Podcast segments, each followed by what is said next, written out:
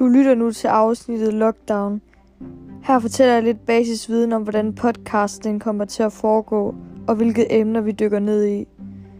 Så læn egentlig bare godt til rette, og find en kop varm kakao frem, og noget lækker tykke på, for nu starter afsnittet om lockdown.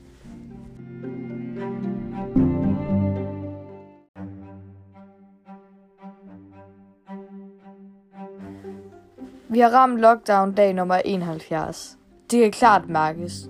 Jeg har derfor valgt at spørge nogle forskellige mennesker i samfundet, og hvordan de forholder sig til lockdown. Og hvordan deres hverdag måske er blevet drejet 180 grader.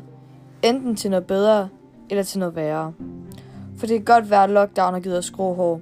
Men for nogen, for nogen har hverdagen aldrig set lysere ud. Hvis vi nu ser på online shopping.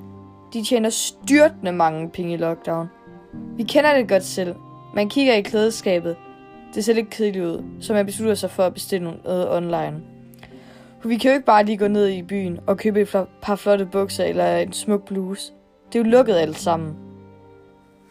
Så nu vil jeg trække jer igennem en dejlig podcast, hvor jeg vil fortælle lidt om, hvordan forældre har det under lockdown, og hvordan en elev måske har det i lockdown, og hvordan arbejder, dem som måske går på arbejdsstadion under lockdown, har det. Og så vil jeg også trække lidt ind i min hverdag, som er ryttere, om hvordan de har det under lockdown.